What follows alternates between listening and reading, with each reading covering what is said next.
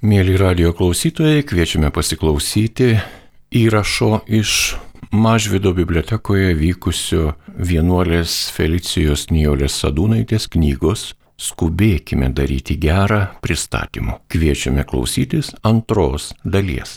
Labas vakaras visiems susirinkusiems. Būkit pasveikinta sesė Nijolė. Labas vakaras jūsų eminencija, ekscelencijos vyskupai, kunigai ir pašvestojo gyvenimo broliai bei seserys, pasipriešinimo sovietiniam okupaciniam režimui dalyviai. Šį vakarą susirinkome į Lietuvos pasipriešinimo sovietiniam okupaciniam režimui dalyvės, Lietuvos katalikų bažnyčios kronikos bendradarbės, politinės kalinės tikinčiųjų ir žmogaus teisų gynėjos, laisvės premijos laureatės, sesers Felicijos Nijolės Sadūnaitės knygos Skubėkime daryti gerą naujojo leidimo pristatymą. Nuo pirmojo leidimo praėjo jau ketvirtis amžiaus ir štai pasitinkame naująjį. Kaip rašoma knygos anotacijoje, knyga Skubėkime daryti gerą yra polifoninis literatūros kūrinys, darniai jungiantis istorinio, religinio ir autobiografinio naratyvo registrus. Šis leidinys pradeda naują seriją pavadintą Pergalės ženklas. Apie visą tai ir ne tik išgirsite šiandien. Dabar kviečiu Lietuvos pasipriešinimo sovietiniam okupaciniam režimui dalyvę, pedagogę, Lietuvos katalikų bažnyčios kronikos bendradarbę, seserį Bernadetą Juliją Mališkaitę. Aš irgi truputėlį dirstelsiu į lapus, dėl to, kad neužimčiau per nedaug laiko. Tai mane labai džiugino pavadinimas knygos Skubėkime daryti gerą. Aš manau, kad čia labai atitinka Nijolės būdą ir aš pabandysiu per keletą atsiminimų apie Nijolę atskleisti, kaip jinai įtraukdavo kitus ir kaip jinai skubėdavo. Buvau baigusi tik tai studijas pedagoginiame institute, truputį žinojau apie pogrindžio veiklą. Nijolė Sadūnaitė ir Petras Plumpa tai man buvo tokios legendos Petras Plumpa legenda tapo, kai savo žmonai iš kalėjimo parašė laišką gimus sūnui ir pasakė, kad man visi vardai gražus, kokį tu jam suteiksi, tik tai, kad nebūtų judas. Tai man tada iki šios dienos tai skamba labai, turi prasme. O Nijolė turbūt dėl savo laikysenos, dėl savo paskutinės kalbos teisme, sutikit, kad tada jinai tapo ir iki šių dienų liko tokiu be neįsimintiniausiu to laikmečio veidu ne vieninteliu, bet tikrai labai ryškiu veidu. Mes atsimenu įsižioję klausydavomės, kaip Nijolė pasakoja savo nuotikius, tą sekimą, visą tardymus, apie tai, kaip Maskvoje saugumiečių pašonėje slapstėsi, kitame name šalia visiškai, kaip pajutus uodegą įpuldavo į kirpyklą, kad jie seka, nusikirpdavo beveik plikai plaukus, nusidažydavo baltai, sako, tokia peroksidinė išeinu ir matau, kad manęs neskiria. Žinojom visi ir patys iš patirties, ypatingai kibertiečiai, kad e, Nijolė užsidėjus sakinius ir užsidėjus peruką, tiesiog neskirdavom save. Buvo toks atvejis, kai jinai atėjo į Zakristiją po mišių ir tuometinis klebonas, kuningas Sigitas Tamkevičius Nijolės sako, jūs mišių. Mes bijojom vienos jaunos mergaitės iš jaunimo, kuri visada jas skirdavo. Bet ji buvo per jauna, kad ją būtų galima kažkur įtraukti. Tai tokiu dabar prieisiu prie tokius trijų trumpų prisiminimų apie Nijolę. Mūsų bažnyčioje Kibartose visuomet reguliariai būdavo rengiami susitikimai grįžtantiems kaliniams ir tremtiniams. Iš tremties dažniausiai grįžtantiems arba iš kalėjimų grįžtantiems žmonėms. Tai ta neoficialioji dalis iš bažnyčios persikeldavo į kleboniją, kurios didesnę dalį dalyvių sudarydavo vaikai ir jaunimas. Ir tada, kai pamenu, buvo Nijolį sutikimas, Nijolį pasakojo, kaip jinai įsidarbino tremty, gaudama tiesiog siuntiniai gerų žmonių, nes vardas pasklido po pasaulį, gaunami siuntiniai, ją įdarbino. Sako, aš tiesiog labai daug laiko padėkodavau, reikėdavo atsakyti laiškus rašyti, paskui peržiūrėti, suskirstyti ir siūsti į kitas vietas. Kitam kažką pasilikdavo savo, bet labai daug didesnė dalį siūsdavo tam, kam ta pagalba būdavo labiau reikalinga. Buvo toks atvejis, kai gavo keliolika siuntinių pašte užsilikusių ir tada sako, aš jau nespėjau, tada tik tai adresus užrašiau ir nežinau, kas ką gavo, kas ten kam buvo skirta, bet tiesiog iš karto išsiųsdavo. Mums tai labai darė tokį didelį įspūdį, kai Nijolė kalbėjo, bet jai baigus kalbėti, jinai atėjo prie mūsų, aš jau tada buvau sesuo, mums, seserims, man, parapiečiams išdalino adresus ir sako, matau, kad jums tas kažkaip patinka, tai įsitraukit, darykit tą patį. Parsinešiau namo du adresus - papadiuko ir poetų rašytojas Verstiuko, abu buvo ukrainiečiai. Mes siūsdavom su kitais ir aš siūsdavau jiems maisto siuntinius arba ten kokiu nors šiltesnių rūbų. Užsimesgi tokia draug, ryšys, draugystė, ypač su papadiuku, nes jisai iš pagarbos lietuvių kaliniui Paulaičiui, kuris 35 metus įsidėjęs kretingiškis kalėjime, buvo išmokęs lietuvių kalbą ir laiškus rašydavo lietuviškai. Mano nuostabai jis rašydavo su visom padalyvinėm, pusdalyvinėm, skirtinėm aplinkybėm, pažyminiais, visais ženklais, su visom nosinėm. Aš baigus buvo lietuvių kalbą ir literatūrą ir aš tiesiog klaidų ieškodavau pirmiausia. Ir stebėdavausi, kaip jis taip gali rašyti. O su svarstiuku jisai, nežinau, jis rašytojas, jis poetas, tikrai būdavo labai įdomus laiškai. Ir žinoma, už šitą užsimesgusią draugystę su papadiuku reikėjo vėliau susimokėti. Ukrainiečių saugumas buvo žiaurus, jų buvo daug, mes matom, ką dabar su jais daro, kaip jų bijo iš baimės. Ir tada, kai pasi, baigėsi jam tremties laikas, jam buvo vėl fabrikuojama nauja byla, apkaltinamas, kad jis užpuola eidamas iš kino teatro merginą ir daroma krata ir, žinoma, ant siuntinių dėžės randamas mano adresas, nu, tiesiog mes nebuvom asmeniškai matęs, tik per laiškus. Ir tada mane kviečia į tardymą, į KGB rūmus, nu, eilinė apklausa. Aišku, aš neinu, nuvesdina, ta nauja patirtis. Bet šiandien buvo labai smagu, kai perskaičiau Nijolės knygoje apie papadiuką, kad jisai po antrų kalinimų laiko jisai grįžo ir įsijungė į aktyvę veiklą, kad jis rado tikrai kažkaip labai glosti širdį. Aš nežinau, kiek tai buvo svarbus tie siuntiniai jiems. Aš manau, kad tikrai jie būtų iš... Jie be abejo, jokios abejonės nėra, jie būtų išgyvenę ir be to, bet mums, studentams, tik, arba tik baigusiems jauniems žmonėms, tas rūpestis, tas siuntimas nu, buvo labai labai labai svarbus. Tai sakau, Nijolė mokėdavo ištraukti iš žavėjimosi lygmens ir kažkaip įtraukti į patį veikimą. Nustok žavėtis, daryk, pats daryk. Dar Nijolė labai ačiū asmeniškai už keliolika šratinukų, kuriuos aš netrintinė, bet iš tavęs gavau. Niekams nepaslaptis, jau čia kalbėjot, kad Nijolė labai drąsi, tiesiog buvo mitas, kad jį be baimiai. Ir aš pamenu, Kibartų klebonijoje jau daugiau kaip savaitę Nijolė perrašinėjo kronikos archyvą. Taip jau tokia, nu, krūva nemaža šalia buvo perrašyta. O aš kelintą dieną, gal buvo savaitgalis ar švenčių diena, prie to paties stalo tvarkiau rankraščius eiliniam kronikos numeriui. Ir neplanuotai klebonėje pasibeldė trys vyrai, vilkėjo tokiais šviesiais lietpalčiais, rankose laikė nei tai laikraščius, nei tai kažkokius popierius. Jie buvo nepažįstami nie klebonui, tuometiniam kunigui Sigitu Temkevičiui, jie buvo nepažįstami nei mums ir ne tik, kad nepažįstami, jie netro, jų laikysena, jų apranga, amžius buvo tokie įtartini. Ir kai šitie žmonės antrą kartą pasibeldė, buvo nuspręsta, kad kronikos rankraščius dedam atgal į slėptuvę, o Nijolės perrašytą archyvą, kiek ten buvo perrašyta, deginam. Tai reiškia, kad aš ir Nijolė leidžiamės į Rusiją ir ten greitai, taip, bet taip, kad liepsna nesimatytų per pusrusio langus, nes jeigu čia yra krata, gali būti, tai jinai bus labai greitai. Tiesiog įsiverš ir, ir, ir reikia deginti. Ir aš tada įsitikinau, kad Nijolė tikrai drasi, bet ne ant žmogis, kad jinai iš kūno ir kraujo. Ir tada supratau, kad viskas, kas buvo išgyventa KGB rūmų sklepuose tuose tardymo metu, tremty, nesvarbu, kad jinai pasakoja labai labai linksmai, su tokiu žavesiu, bet kad tai turėjo savo kainą. Mūsų nuotykis tada baigėsi tuo, kad kai viską sutvarkime, kardinolas Sigitas Tamkevičius išėjo į miestą pasižvalgyti, į miestelį ir grįžta ir sako, sutikau vyrus prie bažnyčios, atvežė langus iš Vilniaus, vitražinius, užsakytus bažnyčiai.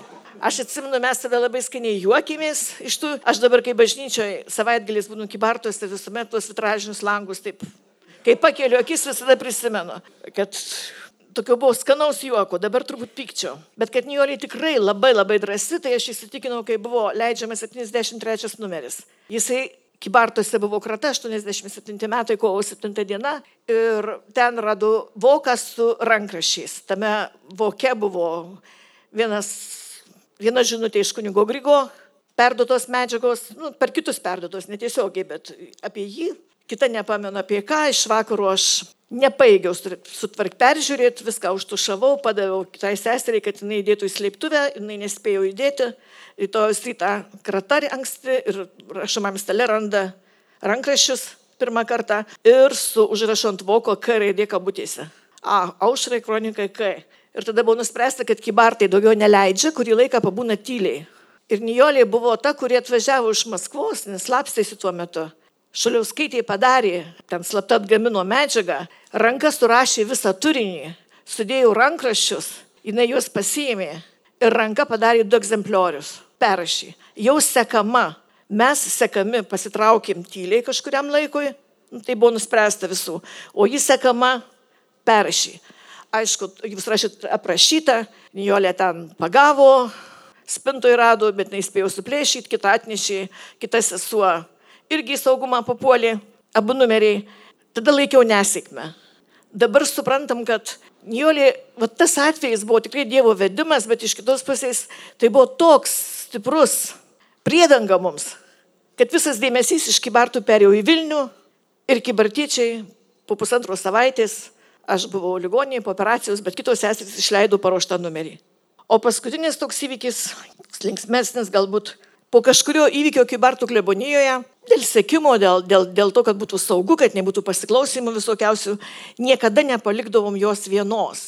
Ir visada, kai ten gyvenantiems reikėdavo kažkur išeiti ar išvykti, kažkas iš patikimų vis tiek, vis tiek pasitik, pasilikdavo buvo atvykusi Nijolė ir tą dieną ar pusdienį, aš nesinau, klebonijoje mes likome dviese. Nu, buvom tais sargiais. Kažką veikime, kai Nijolė pakėlė akis, pakėlė akis ir taip mato ant spintos trys šakočiai. Aš nežinau, ar jie buvo atsiradę po atlaidų, ar jie buvo atlaidams pirkti, bet jie taip peržiūrė juos ir sako, paliksim vieną, užteks. Nijolė vadovaujant nukėlėm abi tuos šakočius, supjaustėm, susiradom dėžes, Nežinau kodėl, bet dar reikėjo juos apsiūti baltą medžiagą, tai pasieškojom patalnys komplektą, kur mums atrodė, kad jis tinkamas plėšyti. Apsiuvom, užrašėm adresus ir išnešėm į Černiševskį, lietuviškai įtkūnus. Nes Nijoliai pasirodė, kad į Rusiją siūsti tremtiniam siuntinius iš Rusijos yra saugiau negu iš Lietuvos. Kuo tai baigėsi? Tiesą pasakus, nežinau, ką galvojo visi, pavyzdžiui, šeimininkiai, nes nežinau, kam tie šakočiai buvo skirti bet tik pamenu, kad visi kažkaip pagarbiai tylėjo. O aš tai tikrai vertinu kaip jos tokią veiklę meilę evangelinę. Veiklę meilę, kur, sakyčiau, pereina perteklinę meilę, nes jinai šeimininkauja net kitų namuose. Ir dar noriu Nijolė padėkoti pačiai už tai, kad tada aš netikėdavau ir visada prieštraudavau, kaip jinai sakydavo apie savo tardytojus, mano broliai, netikėjau, kad tai nuoširdu, man tai atrodydavo, arba kad, nu, tiesiog vadinkim juos jūs, ar kažkaip arba jie. O dabar vis su metais pradedu ir su dabartiniu laikmečiu. Manau, kad tai vis tiek labai labai buvo svarbu. Ar tai labai nuoširdu, ar nelabai, ne man spręst. Bet kai šiandien mes girdim labai dažnai tas mirsiu, neužmiršiu, net leisiu, girdim tokius keršto žodžius, keiksma žodžius, apsižodžiavimus, vien už tai, kad mastom truputį skirtingai. Suprantu, kad visi esam gundomi kažkaip per plokščiai žiūrėti į žmogų ir į situacijas. Tai va tas Nijolės tokia pamoka, nu, kurią aš dabar jau suprantu. Nu, kažkaip ačiū Nijolė už tai. Noriu pakviesti dar vieną seserį, antisovietinio pasipriešinimo dalyvę, šviesaus atminimo kunigų Juozos Debskio ir Alfonso Svarinsko pagalbininkę, Lietuvos katalikų bažnyčios kronikos talkininkę, sesę Reginą Editą Teresiutę. Pagarba visiems susirinkusiems, ekscelencijom, eminencijai, Ir turbūt didžiausia padėka yra gerajam Dievui, kuris leido man jaunai mergaitiai sutikti šitiek drąsių kunigų, kaip kuniga, minėta kuniga amžinos atminties kunigas Dėpski, kunigas Varinska, eminencija, kuris taip pat savo pavyzdžių mūsų vaikus drąsino. Būnant pas kunigas Dėpski teko matyti tuos dar du kunigus, kunigas Dėpski ir kunigas Varinska, vėliau rekolekcijos susitikti ekscelenciją Kaunecką, kuris taip pat buvo apaštalas jaunimo, rekolekcijų vedėjas. Šiandien noriu dėkoti ir tėvui Masilioniui, kuris įkūrė mūsų kongregaciją leido būti tos kongregacijos nare ir Donelaičio gatvė 36 Kaune buvo pavadintas gyvačių lizdas. E, Julija Kodytė, mūsų vyresnioji, buvo pavadinta Hobra. Ir kada man teko skaityti e, saugumo archyvus, tą medžiagą atšvietė, ten rašoma, šlavantuos pasirodė kunigos Debskio finansistė Regina Teresiutė. Jūs įsivaizduojat, kas pažinojo šitą kunigą, jo kišeniai labai dažnai nebūdavo net ne tai rublio, bet ir kapeikos, jis turėjo savo finansistę. Vargšai saugumiečiai, tikrai jie buvo vargšai. Jie neturėjo to padrasimo viešpaties, nebijokite. Ir šiandien nebenoriu ilgai kalbėti, dar kalbės tikriausiai ir e, Petras Tai jūs visi jau pavargę, norėsi prisiminti keletą brožų apie Nijolę Sadūnaitę. Aš buvau baigusi tik tais 10 klasių, kada Nijolė Sadūnaitė pateko į kalėjimą. Ačiū Dievui turėjau nuostabią mamą, kuri kepdavo labai skanius piragus. Aš juos primirkydavau sviestę, išdžiovindavau, dar kartą primirkydavau, kadangi lašinių, lietuviškų lašinių ir riebalų nebuvo galima siūsti į lagerį. Tokius sintinukus padariusi siūsdavau nijoliai. Ir galvoju, nu gal nors šiek tiek jinai paragaus ir padės jos gyvybę išlaikyti. Ką tu? Tikiu šiandien šimtų procentų, kad jinai turbūt nei vieno to pirago gabalėlio nesuvalgė. Ji išdalino visus išdalino kitiems kenčiantiems broliams. Bet mums vaikams, mums jaunimui buvo tai tikrai atrodė meilės gestas, apie kurį rašo šiandien jos knyga. Skubėkime daryti gerą, laikas trumpas. Dirbau šlavantu, šlavantuose, ten saugumas suspaudė, reikėjo trauktis ir pasitraukiau į viduklę pas kunigas Varinską.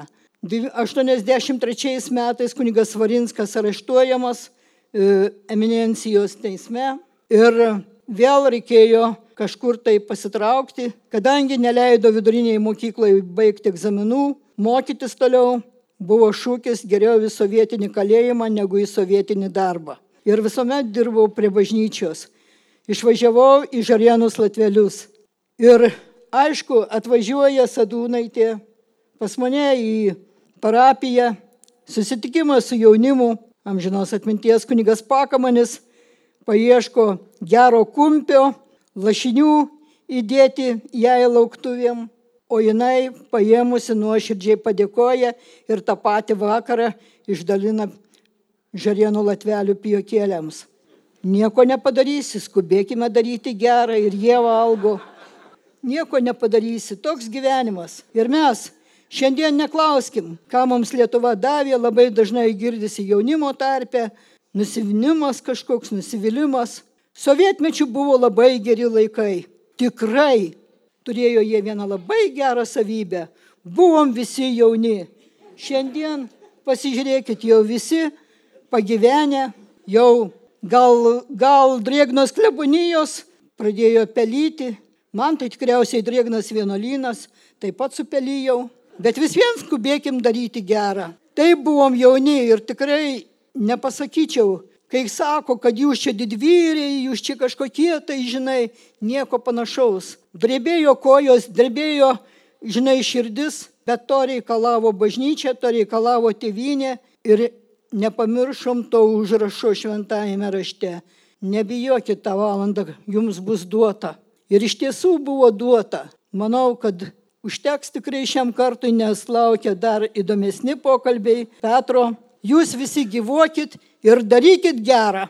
Ačiū, sesė Regina. Prisiminimų liniją papildys dar vienas žmogus, sesuo Regina jį paminėjo, tai pasipriešinimo sovietų okupaciniam režimui dalyvis, pogrindinis spaudos leidėjas ir platintojas Lietuvos katalikų bažnyčios kronikos bendradarbis Petras Plumpa. Mūsų laikas jau pasibaigė, man atrodo, pagal programą. Todėl aš nebekankinsiu. Tuo jau atleisiu visus. Bet tik norėčiau pakartoti, prisiminti kai kuriuos epizodus iš paminėtų sesers Nijolės. Knygoje mūsų, mano bent pavardė beveik neužtinkama bus, kadangi mes kartu beveik nedirbam. Galbūt iš viso nedirbam kartu, bet dirbam tą patį darbą. Ir susipažinimas netgi mūsų įvyko po, po eilės metų, jau kai to darbo atlikę ir, ir sugrįžę iš lagerių, tik tada akivaizdžiai susitikom Kulautoje gal. O iki to susitikimas buvo pirmasis, atrodo, KGB kalėjimai. Ta 74 metų rūpiučio 27 dieną, kai eminencija kardinolas priejo prie durų jų ir kai brolis pasiūlė, reiškia, kuo greičiau bėgti nuo to durų, tą dieną kaip tik tai izolatoriui saugumo KGB mes ramiai labai, kiek ten tų kalinių buvo, nežinau, virš dešimt gal, mes susižinoti nelabai pavykdavo, labai tyliai, po pietų, reiškia, miegam ir adoruojam tylą ir staiga atsidaro girdisi izolatoriaus durys, girdisi moteriškas juokas, triukšmas, alasas, rusiški reiškia šnipštimai, malčiat, atsidaro durys kaimininio gretimos kameros ir tą auką uždaro, užrakina. Nu tai aš jau supratau, kad čia kažkokią bendradarbę galbūt mūsų atvežė. Nu ir iš tikrųjų po kelių dienų, o mus vesdavo į kiemelį pasivaikščiojimui kasdieną tokį aptvertą kubelą cementinį iš keturių sekcijų. Ir iš vienos sekcijos permetė popieriuką susuktą saldainio. Ir ten užrašyta buvo. Ir aš supratau, kad tai yra sadūnaitė iš to popieriuko. Bet prižiūrėtai pamatė šitą mėtymą ir užrengė tą, tuos visus keturis tas sekcijas pasivaikščiojimą tokiu gana tankiu tinklu, kad negalėtų pramesti. Todėl jeigu jūs lankysit tą izolatorių, galbūt dar išliko iki šių dienų tie tinklai ant tų pasivaikščiojimo iš kiekviemelių. Netrukus mus penkis suimtus tardomuosius už kroniką teisė gruodžio mėnesį, paskirstė visiems bausmes, kiek priklauso pagal nuopelnus. Na ir kurią tai dieną po šito nuosprendžio tame kiemelėje pasivaikščiojimo vėl girdisi, reiškia, triukšmas ir išgirstu stipriu balsu dainuojamą dainą. Aš nekenčiu vėliavos raudonos, penkiakampės žvaigždės kurvinos.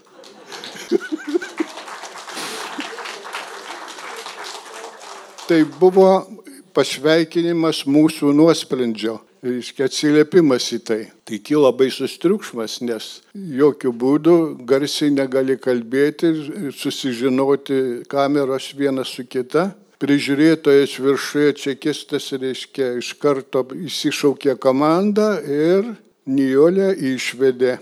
O dar tik buvo šito pasivaikščiimo pradžia, tai man nepatiko toksai elgesys ir aš pradėjau tam čekistui sakyti, kad jis yra diržimorda ir labai bjaurus diržimorda. Tai jisai nusprendė, kad reikia parašyti raportą, parašė raportą ir mane pasodina 15 parų. Ačiū, Nijol. Bet tų 15 parų aš negalėjau atsėdėti, nes po 12 dienų naktį atėjo vagonai stolypinuoti traukinio kalinių ir išvežė į Uralo lagerius. Nu tai tuo pažintis ir baigėsi, nekivaizdinė mūsų. Bet po to įvyko svarbesni dalykai. Kiek aš sužinojau jau šitoje knygoje, galima bus šitą aptikti, jeigu atidžiai skaitysit. Gana svarbus dalykas tai yra mūsų teismo metu, sakant ginamasias kalbas, paskutiniuosius žodžius, kiekvienas buvo užsirašęs, galėjo užsirašyti Ir iš mūsų pats jauniausias buvo Virgilijus Jaugelis, jis jau sirgo tuo metu. Ir jisai man pasirodė, kad tai jaunuolis be baimės. Jaunuolis, kuris nebijo mirties. Ir jisai teismo metu taip elgėsi, kad atrodo, jis nori gauti kuo didesnę bausmę. Jis man paskui po, po nuosprendžio sakė, kaip norėčiau su tavim pasikeisti bausmę. Aš gavau keturis kart daugiau negu jis, jis du metus, aš aštuonis, o jis norėtų pasikeisti. Ir jo, ir kalbos metu teisme Teisėjas tiesiog jam pastabą darė. Sako, atrodo, kad pats nori gauti kuo didesnę bausmę. Iš tiesų taip ir buvo. Jis norėjo parodyti, kad jis visiškai jų nebijo. Nei teismo, nei šitos valdžios. Tai yra, nu, drąsos pavyzdys. Keletą eilučių iš jo kalbos galiu paskaityti. Štai vienas iš tų sakinių. Tik tiek gali teikti, kad Lietuvoje esanti tikėjimo laisvė ir tikintieji nepersekiojami, kieno išdžiūvo iš baimės smegenys. Ką jūs suprantate žodžiu laisvė? Gal bažnyčių uždarinėjimą ir jų pavertimą sandėliais ir filharmonijomis? Gal kunigų uždarinėjimą į kalėjimą už vaikų katekizaciją? O gal dekinčiųjų vaikų nustatymą prieš savo tėvus? Kodėl nepaisoma prigimtinės teisės? Visur melas, apgaulės, smurtas, negaltų žmonių prievartavimas. Visa tai vyksta toje šalyje, kur kaip garsiai skelbiama laisvė, lygybė, brolybė, tiesa ir kiti skambų žodžiai. Štai stovim prieš aukščiausiai teismą. Čia turėtų būti patys teisingiausi žmonės. O ką dabar matome? Parsidavėliškumą, melą, smurtą. Už Kristų, už jos kelbiamas tiesas kentėjo ir mirė milijonai kankinių. Tai negalvoja ateistai, kad šiandien neatsiras tokių, kurie nebijotų kentėti už tiesą, tikėjimą, už bažnyčios reikalus. Ir jis pacituoja savo eilės sukurtas pabaigai. Lietuva mūsų tėvynė, šalelė gimtoji. Kiek kartų tave mindė svetimųjų kojos, kiek kartų kilnio širdys, krauju tave nuplovė, už tave kentėti ir mirti nebijojo. Po šitos kalbos jisai gavo tik tai dviejus metus mažiau už visus kitus ir tai parodo, kad nuosprendžiai buvo priiminėjami ne Lietuvoje ir ne teismo metu. Jie buvo, ateidavo jau nuosprendžiai padiktuoti iš Maskvos. Ir tas pasirodė ir vėliau būdavo tas pats. Todėl advokatai, pavyzdžiui, neturėjo jokios reikšmės, jie tik tai iššilpdavo iš artimųjų pinigus, o kartais netgi padėdavo prokurorams. Na, tai visa šita tuo metu atrodytų čia nu, atsitiktinis dalykas, bet reikia pasakyti, kad tokią kalbą tuo metu iš disidentinio judėjimo aš nežinau, kad kas nors būtų pasakęs. Ir gal būtų tai viskas praėjo, užgneušti, bet svarbiausia, kad po kelių savaičių šita jo kalba atsidūrė 13 kronikos numerį ir išklydo į visą pasaulį. Tai baisus dalykas. Jį veikia daugiau negu pati kronika, kadangi kronika tai pusiau anonimiški reiškia liudijimai. Užrašyti reiškia nežinomų redaktorių ir panašiai. O čia gyvas žmogus atvirai tiesiai kalba ir už tai, reiškia, yra nuteisiamas. Todėl nuspręsta buvo matyti vadovybei KGB, kad daugiau šitokių dalykų nebūtų. Ir svarbiausia, kad reikia įsiaiškinti kelius ir tokios, kokiu būdu informacija patenka į kroniką ir, ir į užsienį. Ir po pusės metų, birželio 17 dieną, turėjo būti Nijolės Sadūnaitės teismas. Ir teismo posėdžio metu, prieš posėdį dar, prokuroras Bakučionis pasakė arba paprašė, kad ji savo parengtos kalbos, savo žodžių nesakytų ir galės važiuoti namo. Tai jie atsisakė, įsivaizduokit, jį galėjo sakyti, na gerai, jeigu taip jau, bet sąžinė yra toks dalykas. Sąžinės saugojimas reikalauja didžiulės drąsos. Čia labai teisingai šiandien buvo pasakyta. Sąžinė reiškia, kas praranda sąžinę, kas neturi drąsos.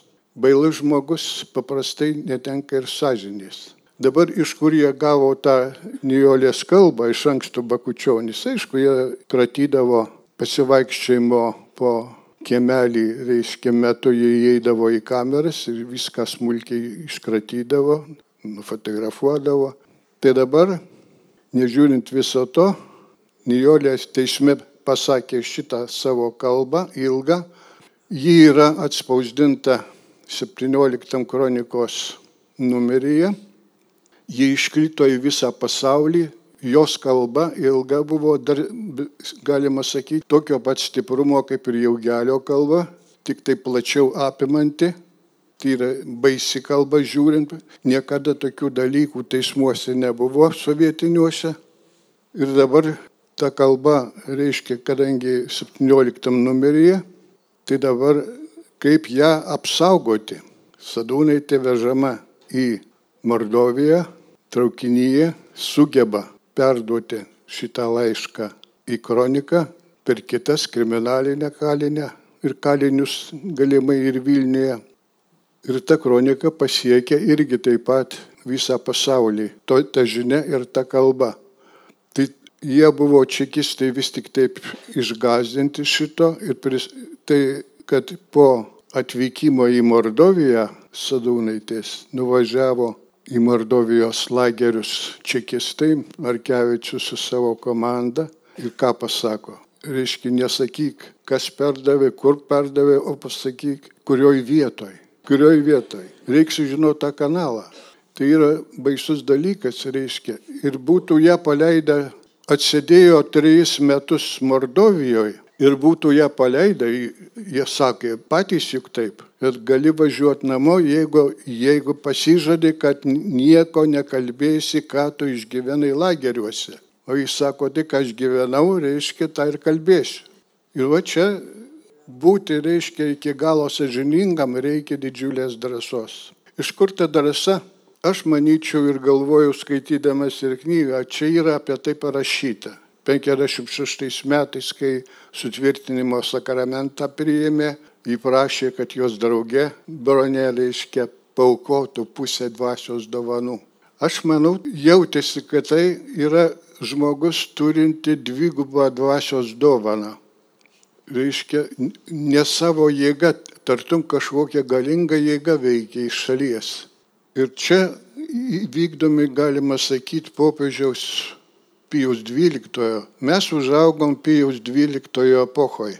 Pijus XII, kuris, kurio vienas iš pagrindinių buvo užduočių kovoti su komunizmu ir ateizmu. Ir mirdamas 57 metų spalio mėnesį jis pasakė labai svarbius žodžius. Būkite drąsūs visam katalikų pasauliui. Nijolė šitą priesaiką įvykdė. Ačiū. Ačiū gerbiamam Petrui. Apipinę prisiminimais ir liudijimais kviečiame šio vakaro kertinę koloną knygos autorę seserį Feliciją Nijolę Sadūnaitę. Lauktasis jūsų žodis, sesė, prašom. Va, tikrai, jau tiek va toj knygoje prikalbėta, kad čia jau ne, plepiausias žmogus ne, nepriplepėtų. Taip, kad ne, tikrai nevarginsiu aš jūsų, pailsėkit, Ir jau tiek tos geros informacijos buvo, vat, tikrai, vat, ačiū Dievui. Aleliuja. Ačiū viešpačiai. Kągi, dėkojimais pradėję, dėkojimais ir užbaigime. O šį kartą nuoširdų ačiū tarėme visiems knygos skubėkime daryti gerą talkininkams už geranorišką bendradarbiavimą, už dalyjimąsi tekstinę ir vaizdinę medžiagą. Dėkojame kultūros ir mokslo institucijoms, muziejams bei archyvams, šauniems jų darbuotojams. Dėkojame visiems žmonėms su atsidavimu prisidėjusiems prie knygos leidimo. Jų skirtasis laikas, jų dėmesys, profesionalus jų patarimai buvo ir tebėra neįkainojama pagalba. Taip pat jau atskirą ačiū tariame žmonėms materialiai prisidėjusiems prie knygos leidimo. Šių žmonių realios pagalbos dėka buvo įmanoma ir galima išleisti knygą būtent tuo 4000 egzempliorių tiražu, iš kurio praktiškai pusė bus padovanota Lietuvoje veikiančioms bibliotekoms. Ačiū Jums visiems čionai susirinkusiems, kad radote laiko atvykti, kad buvote kartu. Linkime sėkmės ir tikimės pasimatyti kitais maloniais kartais. Gyvuokit, sudė. Jūs girdėjote antrąją paskutinę dalį įrašo daryto Mažvido bibliotekoje, kur vyko vienuolės Felicijos Nijolės Sadūnaitės knygos Skubėkime daryti gerą pristatymas. Dėkojame, kad buvote šią valandėlę kartu su Marijos radiju.